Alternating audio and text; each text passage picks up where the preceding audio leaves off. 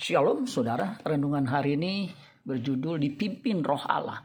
Yohanes 1 ayat 12. Tetapi semua orang yang menerimanya diberinya kuasa supaya menjadi anak-anak Allah, yaitu mereka yang percaya dalam namanya. Roma 8 ayat 14. Semua orang yang dipimpin roh Allah adalah anak Allah. Roh Allah akan memimpin kita menjadi orang yang berkarakter unggul seperti anak Allah, seperti Kristus. Kristus adalah sosok yang dipimpin roh Allah. Matius 4 ayat 1. Maka Yesus dibawa oleh roh ke padang gurun untuk dicobai iblis. Hanya orang percaya yang telah diuji yang akan berkualitas unggul seperti emas. Berbahagialah dia.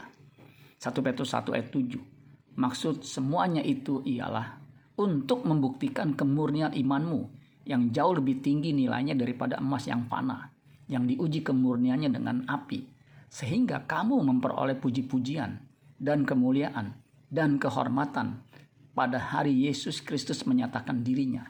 Yakobus 1 ayat 12. Berbahagialah orang yang bertahan dalam pencobaan. Sebab apabila ia sudah tahan uji, ia akan menerima mahkota kehidupan yang dijanjikan Allah kepada barang siapa yang mengasihi dia. Amin buat firman Tuhan. Tuhan Yesus memberkati. Sola Gracia.